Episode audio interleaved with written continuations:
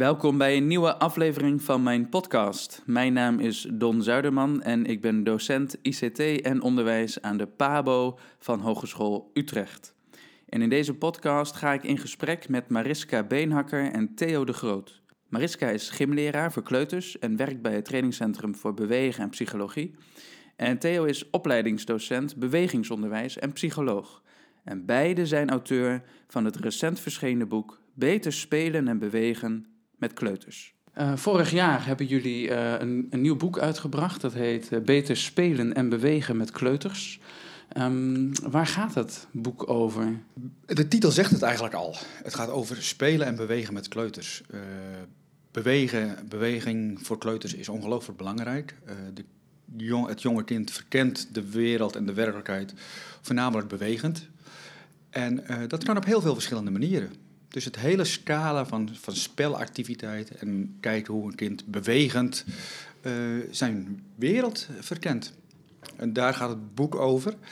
En dan met name toegespitst op uh, wat er tijdens uh, lessen bewegingsonderwijs allemaal kan gebeuren. Voor het kleuteronderwijs. Voor het kleuteronderwijs, heb je het dan over. Want ik neem aan dat kinderen voordat ze kleuter zijn ook heel veel bewegen. En dat als kinderen geen kleuter meer zijn, dat het nog steeds heel belangrijk is dat ze blijven bewegen. Net zoals dat het voor ons heel belangrijk is om, uh, om te blijven bewegen.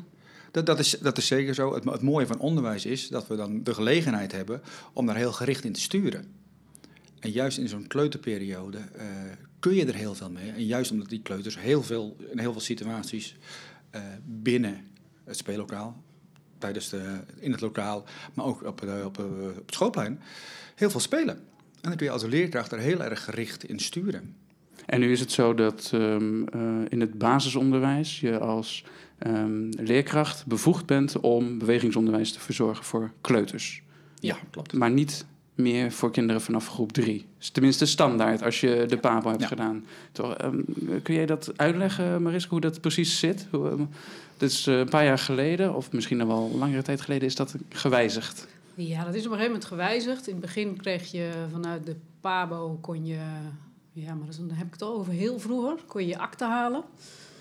En eigenlijk sinds een aantal jaar is het zo dat je je aparte mars, nee, hoe heet het? Um, Leergang vakbekwaam bewegingsonderwijs. Ja, en dan mag je dus lesgeven aan de groepen 3 tot en met 8. Uh, maar op het moment dat je afgestudeerd PABO bent, dan mag je automatisch een kleuters lesgeven.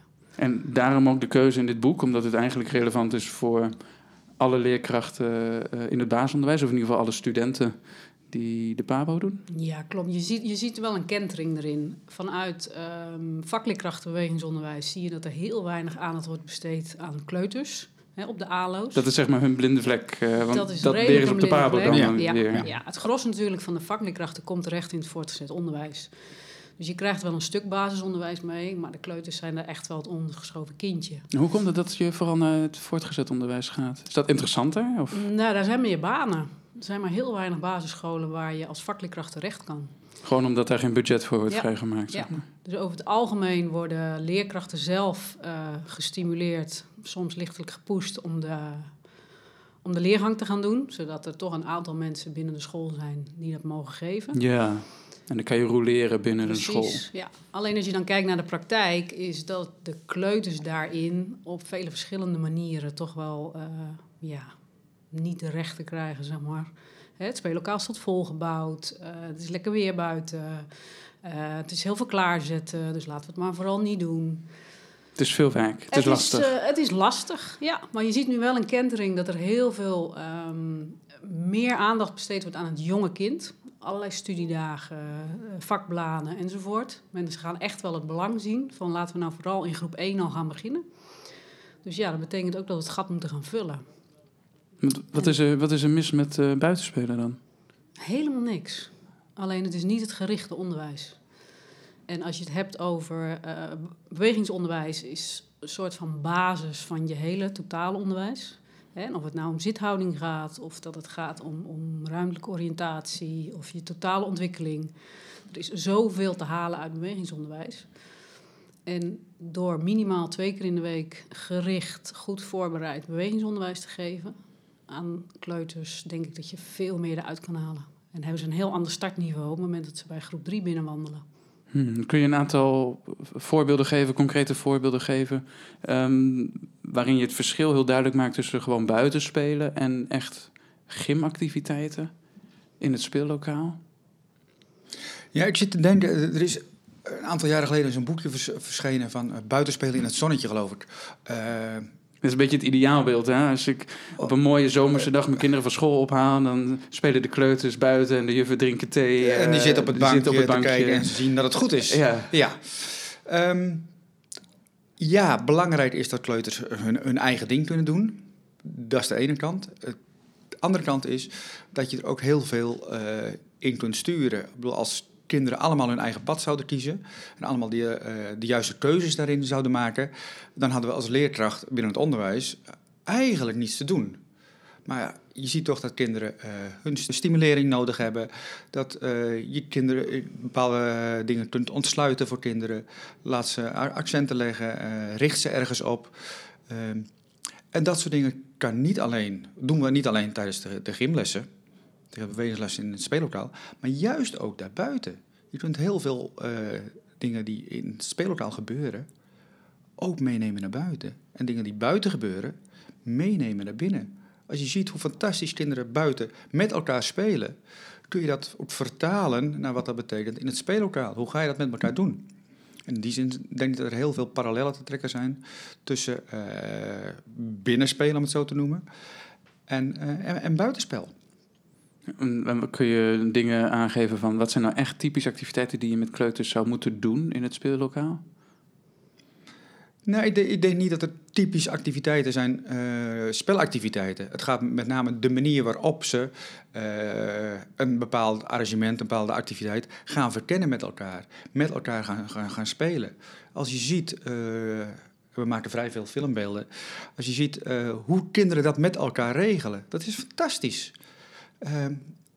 De, de, de, taartverdeling, de rolverdeling, alles wat ze in het dagelijks leven ook geacht worden te doen met elkaar komt in spel terug.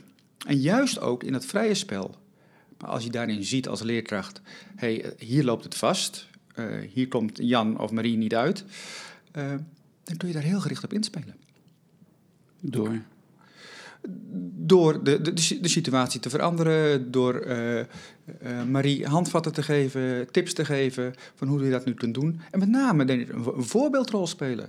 En dat is wat buiten spelen in het zonnetje ja, kinderen kunnen heel veel, uh, veel zelf. Maar af en toe is het denk ik fantastisch dat ze een mooi voorbeeld krijgen van, van hun leerkracht. Speel maar eens mee met ze. Ervaar maar eens wat het betekent om op die manier een spelletje te spelen.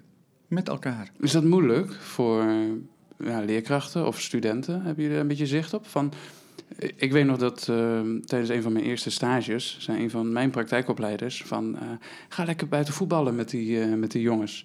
gewoon meespelen nou ja, zo makkelijk is dat nog niet uh, om dat zomaar te doen. Het vraagt ook een bepaald uh, gevoel van vrijheid, uh, zelfverzekerdheid. er komt dan een gevoel van competitie om de hoek kijken. En je wil ook niet afgaan en dat soort dingen. En misschien ook het gewoon puur het organiseren. Van ga jij maar eens even buiten spelen met, met die kleuters bijvoorbeeld, of in andere situaties. Het wordt heel makkelijk gezegd. Ja, klopt. Maar wat zijn nou echte uitdagingen daarin? Maar, tenminste, ik kan me voorstellen dat het moeilijk is. Voor sommigen is het moeilijk. Je, ziet vaak studenten die uh, een jonger broertje of zusje hebben. In de, in, de, kleuterleeftijd. Dan gaat het als vanzelf. De een lijkt het als, als ware gegeven te hebben, uh, te zijn.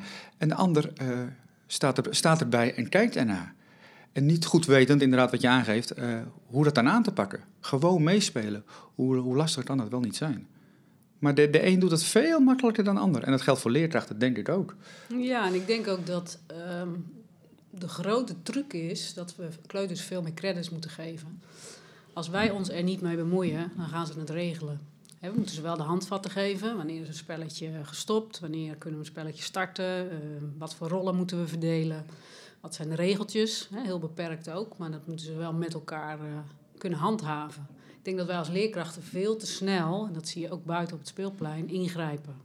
He, of het nou een ongelukje gaat of een overtreding of nou ja. Je, een kind speelt vals of uh, ja, dat soort dingen. Ja, en, dan, en, dat ja. je er bovenop zit uh, als leerkracht. En jij zegt eigenlijk, nou, kijk maar eens even hoe ze er zelf mee omgaan. Precies, ja. Je hebt natuurlijk vaak, zeker bij kleuters, uh, je hebt groep 1 en 2 bij elkaar. Dus je hebt een leeftijdsrange van 4 tot 6,5 soms. En als je op alles maar instapt met jouw volwassen brein, dan ontneem je ze denk ik heel veel om het met elkaar op te lossen. Want een vierjarige krijgt veel meer ruimte van een zesjarige om in het spel mee te kunnen. En dat gaat dan niet altijd even eerlijk, maar ze hebben donders goed door dat het een vierjarige is die het allemaal nog moet leren.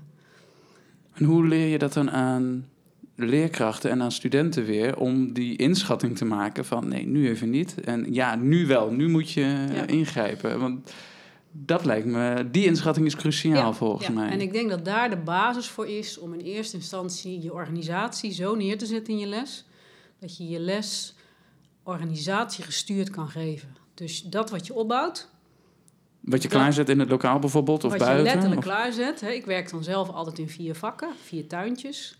Dus je verdeelt het speellokaal in vieren, bijvoorbeeld met banken of iets. En dan in vak 1 liggen matten en ballen klaar. En in vak 2 heb je het klimrek. Ja, ik heb altijd vier vakken. Ik heb altijd een klimtuin. Uh, daar mag je gewoon vrij spelen. Ik heb altijd een speltuin. Daar gaan we met elkaar een spel op spelen. En dat kan een tikspel zijn of een trefbalachtig iets op kleuterniveau. Ik heb altijd een, een bewegingsbaantje, hoe kort ook. Maar daar leren we ook hele belangrijke vaardigheden. Zoals?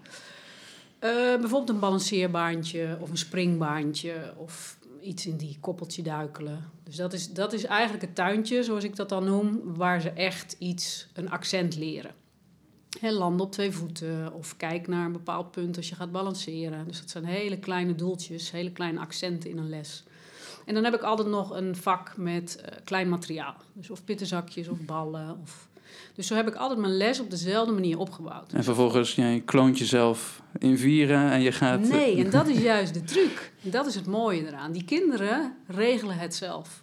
Waardoor jij als leerkracht, als student, als, als groepsleerkracht eruit kan stappen. En dat geeft je de ruimte om het eindelijk eens te gaan zien dat die kinderen het zelf kunnen.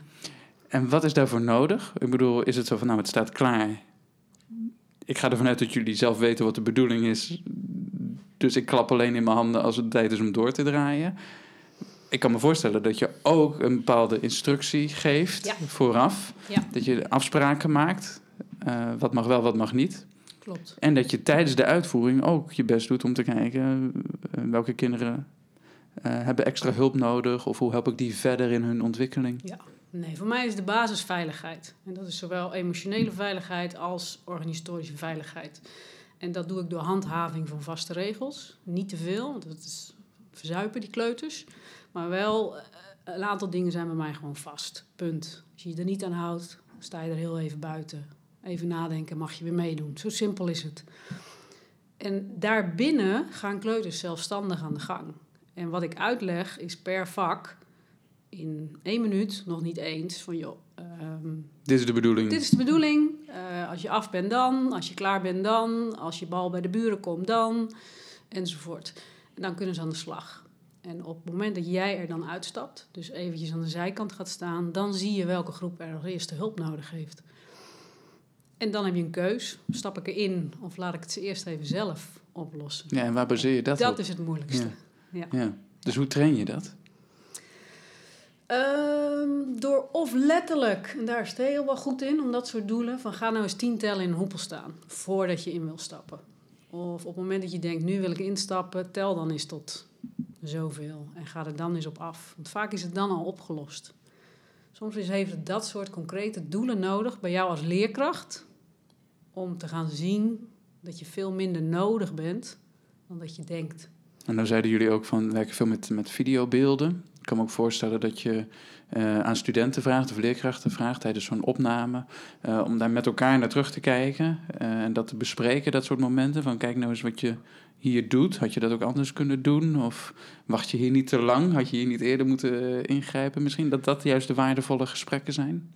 Dat zijn heel waardevolle gesprekken. En de beginvraag is vaak, dan brengen cursisten en, of studenten een filmstukje mee. wat valt op? Wat zie je? Wat zie je gewoon? Dus vanuit verschillende perspectieven, ik zie andere dingen dan dat jij ziet. En uh, dat is het mooie. Dus elkaar bevragen op datgene wat je, wat je ziet. En uh, ja, ik stapte hier wel in en jij stapt niet in. in jouw filmpje. Waarom niet? Waar baseer je dat op dan? Ja, je denkt van als je erop wacht, dan, dan komt het wel goed. Of eh, dit gaat fout, want eh, nu komt de sociale, eh, sociale emotionele veiligheid van Marie in, eh, in het geding. Dus ik moet instappen. Ja. Of het wordt echt lichamelijk gevaarlijk. Of lichamelijk gevaarlijk, Ja, zo ja. van eh, ingrijpen. Dat kan. Nu schrijven jullie onder andere in je boek eh, dat er ehm, verschillende modaliteiten zijn ehm, eh, van kinderen als ze deelnemen aan het spel. Vier manieren in feite waarop ze spel en beweging ervaren. Even kijken, jullie maken onderscheid tussen vieren, het sparren, het leren en het ontmoeten. Nou, hoe, hoe kan ik dat herkennen eh, als ik eh, kinderen zie spelen?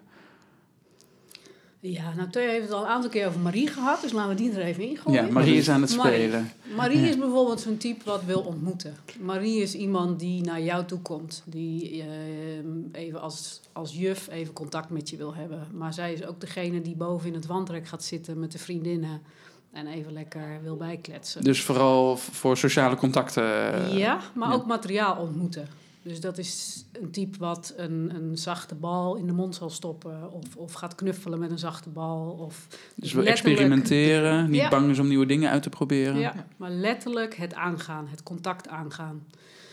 En ehm, wie had je er net nog meer, Willem?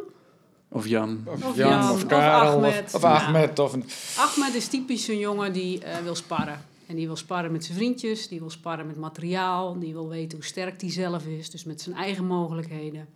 Dus dat zijn de kinderen die op jou afkomen en even, ik noem het dan altijd dubbel gevouwen willen worden, waar je even bovenop mag gaan zitten, figuurlijk gezien. Want die willen even dat stoeien, die willen even dat voelen letterlijk dat, dat je er bent en dat zij er zijn en dan gaan ze weer verder. Dus die zoeken dat in zware ballen, die zoeken dat in een touw waar ze in kunnen gaan hangen. Die, Dus het heeft ook te maken met ehm, laten zien hoe goed je bent of hoe sterk je bent. Of je Nee, meten aan anderen. Nee, meer meten. Met, ja, meten wel in de zin met sparren met stoeien. Zo kan je hem zeker zien. Hè? Maar dan vooral van ontdekken wie ben ik zelf. Hmm. je eigen gezien. grens opzoeken daarin. Ja. Ja. Ja, maar het zijn niet altijd de kinderen die alleen maar ruzie aan het maken Hmm. zijn of zo. Nee, nee, dat zeg ik ook niet. Maar dat Nee. zijn wel eh, de kinderen die ook ja maar, ja maar. Ja, die zitten er zeker ook tussen. Die, die echt, echt het grensje opzoeken. Eh, grens van hun kunnen, maar ook de grens van wat er naar de leerkracht kan. En wat er naar de andere kinderen kan. Eh, hun manier van leren is om de grens te overschrijden. En daardoor te weten, Dit als ver. teruggestuurd wordt, Ja. dit was te ver. Dus dat de grens daar ligt. Ga je die grens niet over, ja, hoe weet ik dan waar de grens ligt? Dus echt opzoeken. Eigenlijk net, net steeds even iets te ver gaan. In het perspectief van een leerkracht vaak. Eh, maar het is voor hem wel een hele leerzame strategie. Ja. ja, net zoals dat je gewoon leert van als dingen niet lukken, hoe je dat een volgende keer Ja. anders aanpakt. Ja. letterlijk een bal tegen je hoofd Ja. aan krijgen is ook sparren. En dan weet je dat die hard is. Een ander kind zal dat Ik heb genoeg willen. gespart met ballen. de- eh, laten we het hebben over, eh, over een van de andere twee. Eh, we hebben nog vieren en eh, leren. Ja, vieren is altijd een beetje een, een dubbele. Want daarbij zou je zeggen dat zijn de kinderen die komen voor een feestje. Maar dat is het niet helemaal. Eh, vieren wil veel meer zeggen dat zijn de kinderen die ehm, bijvoorbeeld tien keer van een glijbaan afgaan. Of het heerlijk vinden om ehm, met zo'n parachute, ik weet niet of je dat kent. Zo'n hele grote doek. Ja. eh, Zo'n groot en dan kan je er onderdoor rennen Ja, of ja. een bal Juist. hoog houden. lekker dat, dat heen en weer. Of herhaald stuiten met een bal. Of, dus meer in een soort flow komen. Dat wordt er bedoeld met vieren. En dat zijn, ehm, er zijn bepaalde kinderen die daar heel erg van Ja. genieten. En Ja. dat het liefste zouden willen doen. Ja, Zijn er ook kinderen die dat dus helemaal niet interessant vinden? ja klopt. Eén keer glijden. leren op een andere manier. Ja. Ja. die zijn veel meer van dat zepgedrag en van alles en overal. En, Oké. Ja. En dan nog leren. Is dat heel doelgericht bezig gaan?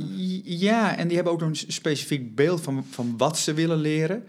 Ehm, het is meer het idee van, eh, ze hebben een soort technisch, binnen bewegen vaak een technische aanwijzing nodig. Ze willen verteld worden wat ze nou precies moeten doen. Hoe ze een hand moeten houden, Ja. waar ze moeten duwen, moeten ze sterke armen maken. Eh, dat soort dingen. Vanuit het idee dat het helpt. Vanuit het idee dat ze daardoor dingen leren. Ja. Als je gewoon aan het spelen bent, leer je niets.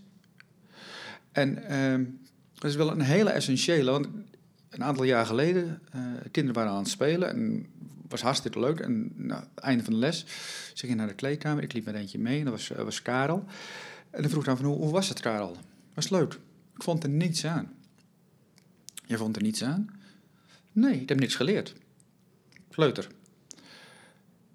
hoezo niks geleerd? Je was toch aan, aan een tikspel gespeeld en je was aan het klimmen. Ja, maar niemand heeft me verteld, u heeft me niet verteld wat ik moest doen. Maar die gaat wel zo naar huis. En thuis komt hij, onder het eten, tussen de middag. Hoe was dat op school? Ja, het was heel leuk op school, maar Gym was stom. Want daar heb ik niets geleerd. En op het moment dat je kinderen eh, dat weet van kinderen, is het heel belangrijk om aan die verschillende modaliteiten tegemoet te komen. Het moet voor elk kind iets zijn waar die, eh, waar die zich blij, waar die blij van wordt, waar die, waar die zich prettig bij voelt. En als je dat soort kinderen, in dit geval het leren, mist, dan denk je, ja, dat, dat is zonde, dat mist de kans. Nu heb je wel de mazzel natuurlijk dat de meeste kinderen gek zijn op gym. Uh, mijn kinderen altijd, die zeggen van, uh, mijn, mijn zoon gymt vandaag en mijn dochter morgen. En dan hebben ze het al over en ik kan niet wachten om weer... Ja, het, is, het is wel een populair vak. Ja. meestal op school. Maar mijn zoon, die herken ik wel een beetje in wat jij zegt. Hij, hij is heel erg bezig met eh, leren koprollen maken, omdat hij wil salto's kunnen maken. En hadden we het erover van hoe maak je nou eigenlijk een koprol? Waar staan je voeten? Staan die binnen of buiten je handen? En, waar, en, en hoe ver staan die dan uit elkaar? En Ja. heel specifiek een handleiding vanuit het idee... als ik dat maar goed doe, dan maak ik een goede koprol. Ja. Eh, veel meer dan... ik ga het maar gewoon doen en ik zie wel eh, wat er gebeurt. Ja. Dat is wel een grappig eh, uitgangspunt. maar, maar die kinderen zijn er natuurlijk ook een hoop die het gewoon doen en het daardoor wel oppikken. Zeker als je kijkt naar de manier waarop kinderen leren, motorisch leren, is een hele expliciete manier van vertellen van eh, dit moet je doen, zo moet je handen neerzetten. Of een veel, veel meer impliciete manier. Eh, ze halen hun eigen, eigen regeltjes van hoe je een vaardigheid eh, je eigen maakt, halen ze er zelf wel uit. Juist zonder dat een leerkracht het aangeeft. Want voor sommige kinderen is, werkt het heel storend als je precies vertelt wat ze moeten doen. Want dat is niet hun manier. En als je je daarop vastpint, eerst je handen neerzetten, kin op je borst, nou, kijk tussen je benen door bijvoorbeeld. Maar dan vinden ze vervelend. Laat ze het op hun eigen manier doen. en dus dat is dat- prima. Dat is, dat is prima. Ik denk en dan juist als dat een kind niet wil, als ze, niet- als ze die het eng vindt. Ik wil dat klimrek niet in. Dat is hoog. Moet niet. Absoluut niet. Ik wil niet meedoen met dit tikspel, dat vind ik spannend. Hm, dan ga even zitten. Kijk, er zijn natuurlijk, het hangt een beetje van je kinderen af. Je, je, op een gegeven moment ken je je pappenheimers. Hè, bij de ene weet je van als ze naar de wc moeten, dan is het spannend. En bij de ander weet je als ze gaan zitten van nou, dit is mijn manier van leren. Laat mij maar even zitten en even kijken. En de volgende, die, nou ja, ze hebben ze allemaal hun eigen reden om even uit te stappen. En de een neem ik aan de hand mee en probeer ik het plezier bij te brengen. En de ander stuur ik een beetje. En de volgende gaat even op schoot. En dus het is maar net wat voor kinderen je hebt. En ik denk als je... Maar komt het altijd vanuit het kind zelf uiteindelijk? Want het is zeg maar een manier volgens mij om, om grenzen aan te geven van dit wil ik niet of dit voel, voel ik me niet veilig bij Ja. of wat dan ook. Moet je het kind ook wel eens forceren om iets te doen ja, wat ze denken dat wel. eng is, omdat Ja. ze daar doorheen moeten en dan ervaren, nou ja, Ja. dat viel eigenlijk wel mee. Kijk, het mooie is natuurlijk als je kan achterhalen wat de angst is. Hè, de dat is moeilijk voor een kleuter om dat te articuleren. Precies, ja. ja. Maar de angst kan ook zitten dat ze net in het verkeerde groepje zitten. Hè, daarmee weinig vertrouwen hebben. Of dat er net iets is gebeurd in de klas of wat dan ook. En de een krijgt een klein eh, schub onder het holletje, zeg ik dan altijd maar. En de ander die neem ik mee. En de volgende een aai over zijn bol. Maar goed, daarvoor ken je je kinderen. En over het algemeen, ja, je hebt ook kleuters die liever lui dan moe zijn. Ik bedoel, laten we wel wezen. Ze komen niet allemaal even sportief binnen. En zeker niet waar ik werk, in Rotterdam, heb je echt wel kleuters die binnenkomen... die de eerste vier jaar gewoon op een bank hebben gezeten, letterlijk. Dus wat jij net schetste, van ze vinden allemaal bewegen van nature leuk... het is niet altijd evenveel aangeboden. Ze zijn niet allemaal buiten geweest en speeltuinen... en de mogelijkheid hebben ze niet allemaal gehad. Dus soms moet je het ze ook echt bijbrengen hoe leuk het is. Nu is een van jullie eh, co-auteurs, eh, een collega van mij, Marco. Ehm, die vertelde mij eens een keer een mooi verhaal over eh, een bekend tikspel, wat, eh, wat mijn dochter ook graag eh, speelt. Dat er een van de kinderen ligt te slapen als wolf op een mat. En dan moeten de konijntjes, de andere kinderen, moeten hem wakker maken. En als die dan wakker is, dan mag hij ze tikken. En Marco vertelde van, eh, je hebt kinderen. Eh, als de, de wolf slaapt op die mat, eh, dan vindt ze het geweldig om er naartoe te stormen. eh, hem wakker te tikken Mhm. en weer weg te rennen. Ja. En andere kinderen, die blijven misschien op 10 meter afstand staan, kijken wat er gebeurt. Die durven niet dichterbij te komen uit angst voor die wolf. En aan het eind van de les hebben ze allemaal dezelfde intensieve ervaring gehad in feite van dat spel. Het was voor die kinderen die keihard heen en weer renden en voor die kinderen die op een grote afstand bleven staan niet minder intens. En ze hebben allemaal dezelfde ervaring van, wow, wat was dat een gaaf Ja. tikspel. Ook al heb je eigenlijk alleen maar langs de kant gestaan. Ja, sommigen inderdaad vanaf de bank. Of vanuit een ander tuintje. Die meebele het ja. meebeleven, ja. Ja. Komt dat ook door gewoon nog de leeftijdsfase waarin ze zitten, waarin Ja. ze de, de fantasie nog zo'n werkelijk of zo'n zo'n grote rol speelt, dat symbolisch denken waar ze. Nou, het zit hem denk ik in, in de verschillende ontwikkelingsdomeinen. Hè? Voor de ene is het spel eh, af worden getikt of niet af worden getikt. Dat is eng. is het ding. De andere het de wolf, een wolf is eng, punt. Eh, de volgende zit voor het eerst in een groepje met andere kinderen en gezamenlijk iets. Ik weet niet wat er gaat gebeuren. Dus die angst kan op heel veel, die spanning kan op heel veel verschillende facetten zitten. Niet helemaal snappen wat de bedoeling is.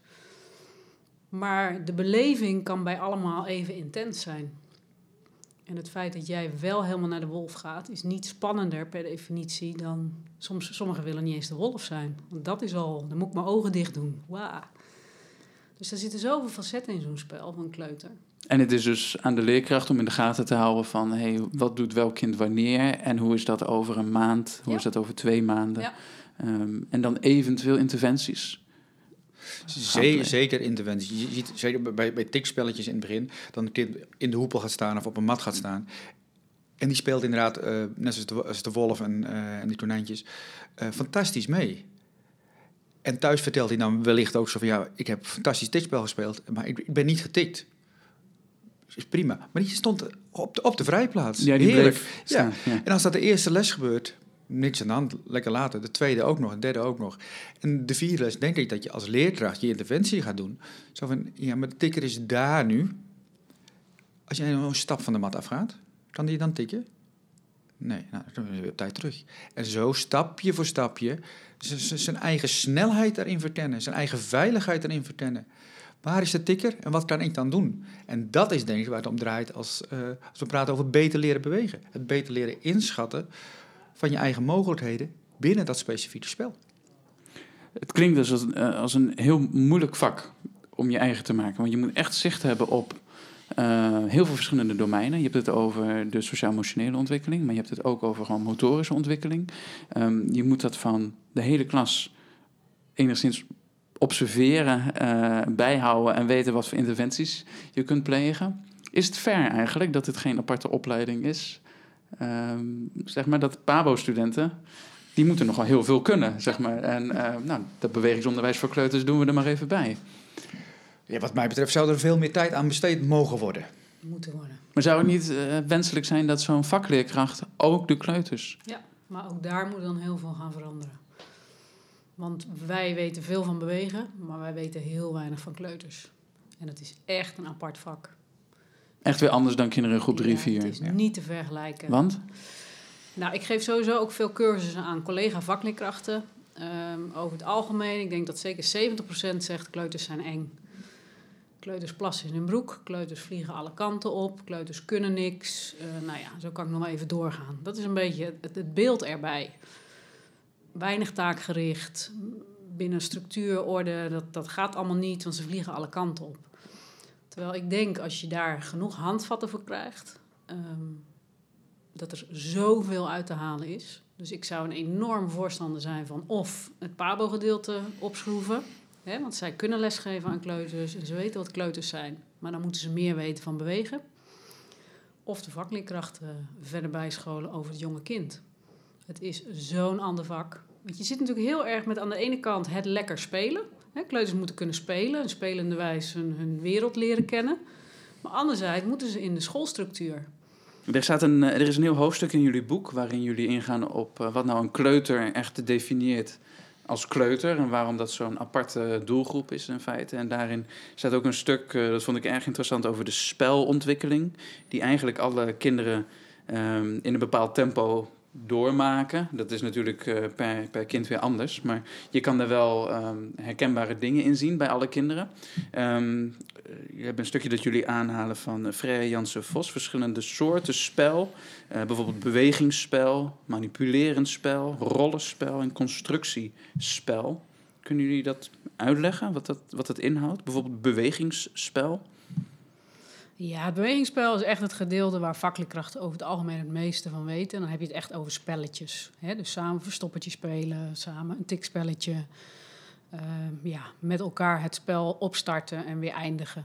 En de rollen verdelen. Dus dat is over, over het algemeen het stuk wat het meest gelinkt wordt aan gymlessen. Dus jij bent de tikker um, en jullie moeten voor hem oppassen. Dat zijn de rollen. Dus het is geen rollenspel zoals je... Nee, dat, nee. dat was er ook een. Wat is dat dan? rollenspel heeft veel meer te maken met uh, de echte wereld nadoen. Dus dat kan zijn vadertje, moedertje. Dat kan zijn, we zitten in thema ridders. En in plaats van dat we in het klimtuintje gewoon aan het klimmen zijn... zijn we opeens ja, dan kom, kom, je veel meer in de buurt van drama-activiteiten.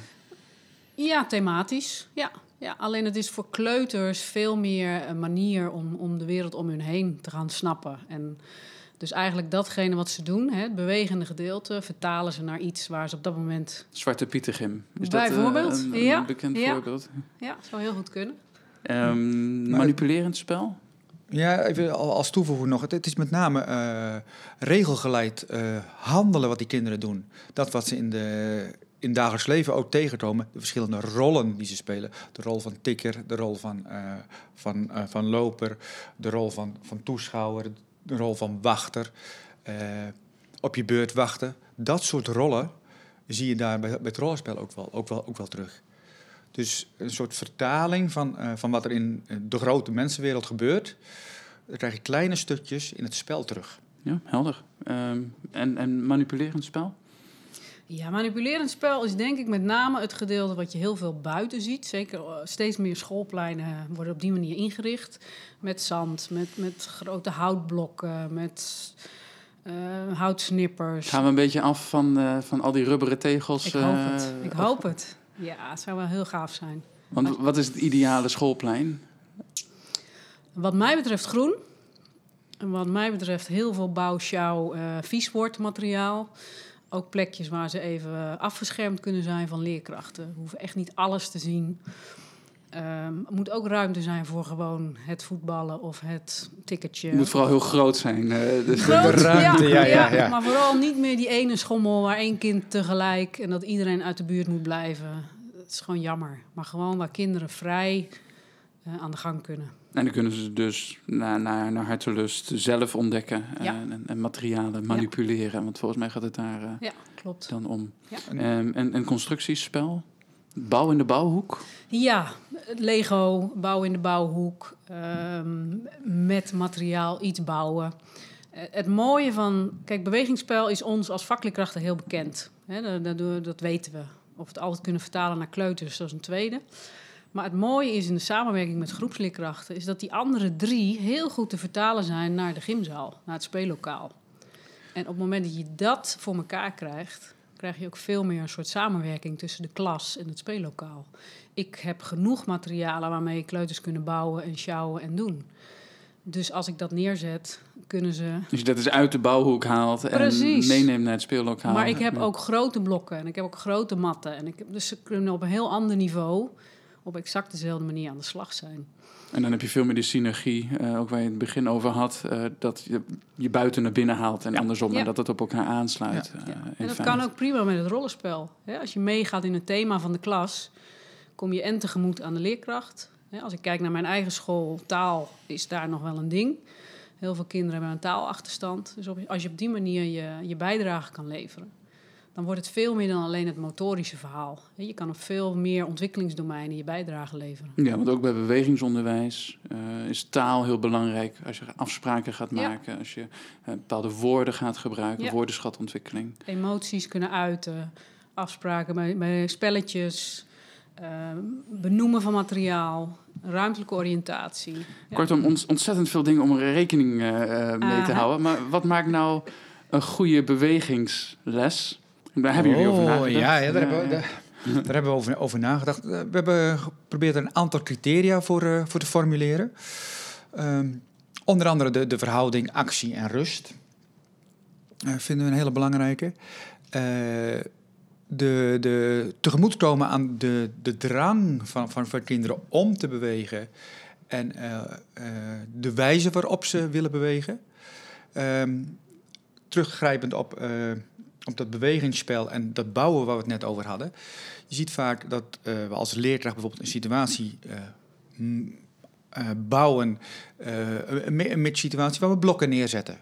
En die kinderen, vanuit ons idee, van ze gaan mikken en die blokken omgooien. En die kinderen doen dat ook, maar niet zozeer voor het omgooien van die blokken, maar vaak om het weer op te bouwen van die blokken. Dus in die zin, die zin zie je ook bewegingsspel en, eh, en eh, constructiespel naar elkaar toe.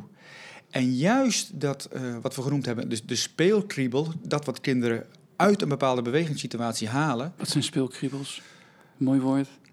Ja, dat, dat wat een. eh, en vul me dan maar aan. daar hebben we heel erg mee, mee gestoeid. Is datgene wat in een bewegingssituatie zit. Eh, wat kinderen uitnodigt, triggert. om erin op te gaan. Om eruit te halen wat, eh, wat, wat, wat erin zit. En van ons, vanuit ons eh, deskundige perspectief. hebben we natuurlijk een, een doel met onder, onderwijs, is heel doelgeleid.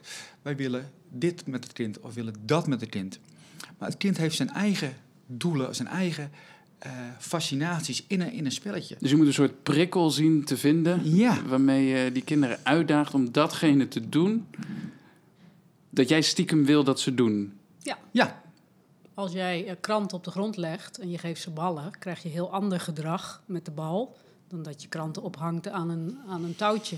En je legt ballen daar een paar meter vanaf. Precies. Ja. Ja. En dan ehm, kan je van tevoren hebben voorbereid, ze moeten die kranten eraf mikken. En dat kan je ook helemaal hè, tot in de treuren gaan uitleggen. Maar waarschijnlijk gebeurt het al vanzelf. Maar als ze er een hoedje van gaan vouwen, dan is dat op dat moment hun prikkel.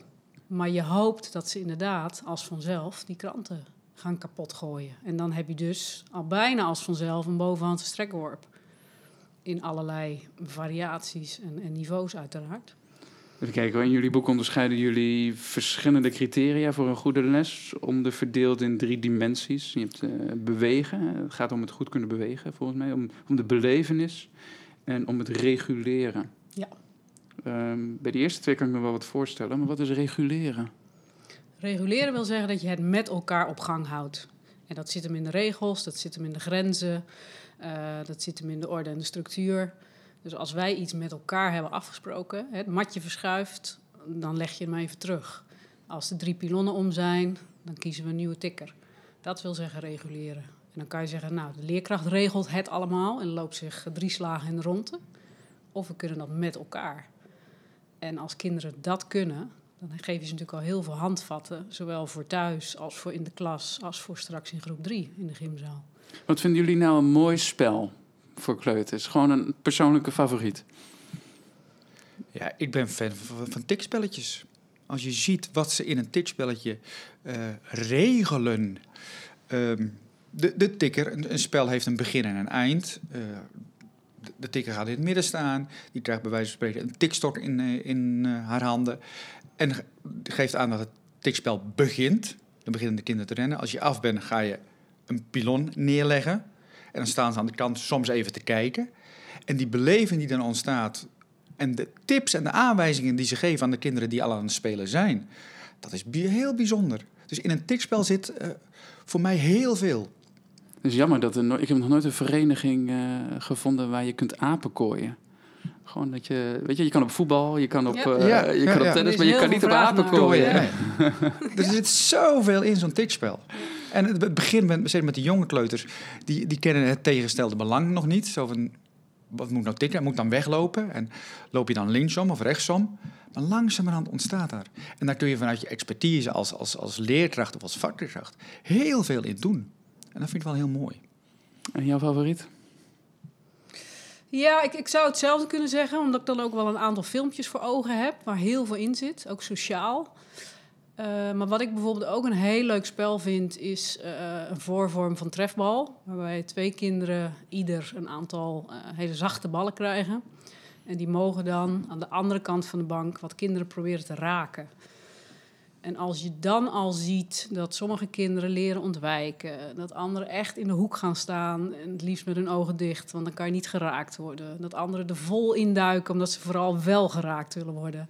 Die grote verschillen, dat, dat vind ik wel heel leuk om te zien. Ja. Zijn dat ook voorspellers van hoe, hoe die kinderen zich waarschijnlijk gaan ontwikkelen eh, tot aan groep 8? Of hebben jullie niet zoveel zicht op? eh, houdt het op een gegeven moment houdt het ook op? Zie je de kinderen niet meer? Nou, ik heb wel een hele duidelijke eh, band en, en, en samenspraak met mijn collega, die dan drie tot en met acht geeft. En ik doe ook altijd een overdracht daarin. En ik blijf ook binnenlopen in de gymzaal. En, eh, dus ik volg het wel. Ja, zeker wel. Maar je ziet inderdaad wel, ik geef eh, tot en met groep 8 eh, nog een dagdeel gymles. Je ziet wel hè, dingen die herkenbaar blijven. Een, een lijn. Jan blijft herkenbaar aan zijn manier van doen. En dat zie je bij de kleuters er al, al, al, al in zitten. En dat geeft ook wel. eh, maar dat realiseert me ook wel dat je daarin heel veel kunt, kunt, kunt sturen nog. En naarmate kinderen ouder worden, krijgen ze een eigen stijl, eigen manier van doen. En wordt het lastiger om, eh, om het anders te laten doen. Dus eigenlijk alleen nog maar nog een oproep eh, om al bij de Ja. kleuters in de gaten te houden van wat heeft dit kind nodig? Ja, om, die, om ervoor te zorgen dat hij ook later eh, op een goede manier mee kan doen. eh, Ja. en, en zich houdt, eh, conformeert ook een beetje aan, Ja. de, aan de regels die je met elkaar maakt. Dat je sociale speler bent. eh, in feite. ja ik- je hoort eh, op, op school wel eens zeggen, van, nou, als je een vakleerkracht hebt, doe jij de turnonderdelen maar, die zijn moeilijk. En dan de groepsleerkracht, bijvoorbeeld is er een verdeling ontstaan, die geeft dan het spel, want iedereen kan spel spe- eh, geven. Eh, ik denk dat, eh, en naarmate kinderen ouder worden, wordt er meer aandacht besteed aan de vakleerkracht, want dan wordt het moeilijker het vangen en dergelijke. Maar ik denk dat de expertise met name bij het hele jonge kind zit. Dat die daar ingezet zou moeten worden. Dus als als ik een pleidooi mag houden, zou Dat zijn. Doe maar, gooi hem erin. Dus ja, de, de, de, alle expertise, alle kennis kunnen met name op het jonge kind. Daar valt heel veel eh, aan te reiken. Eh, en het is voor, eh, voor mij is het ook eh, erg eh, verrijkend geweest om dat jonge kind eh, dingen te zien doen waarvan ik denk van, is dat op die leeftijd al mogelijk? Ja. Heel zelfstandig, heel, heel sociaal met elkaar. Maar ook in motorische vaardigheden. Ik, ik heb kleuters met split vision basketbal. En die staan gewoon op hun gemak te dribbelen. Ik heb kleuters dat als ik ze de kans geef, salto's draaien. Dus er is zoveel meer mogelijk als we ze maar die ruimte geven. En niet onze eigen angsten en beperkingen op die kleuters projecteren. Dat is vaak wel eh, de praktijk en dat is zonde. Niet te hoog in het wandruk, want Ja. straks val je. Straks val je. Hou goed vast, anders. Waarom zou een kleuter willen vallen? Dus geef ze die verantwoordelijkheid en geef ze die, die eigen mogelijkheden. En dan gaan ze echt wel op verdek, hoe zeg je dat? Ontdekkingstocht? ontdekkingstocht. En eh, gaan ze hun eigen mogelijkheden, hun eigen grenzen opzoeken. In plaats van dat we onze grenzen opleggen. En daarmee kom ik aan het eind van mijn 43ste podcast. Als je dit een interessante podcast vond, deel hem dan weer met anderen. En heb je vragen of opmerkingen, neem dan gerust contact met me op via donzuiderman, apenstaart, gmail.com of via Twitter, dat is apenstaart Don Zuiderman. Heel erg bedankt voor het luisteren.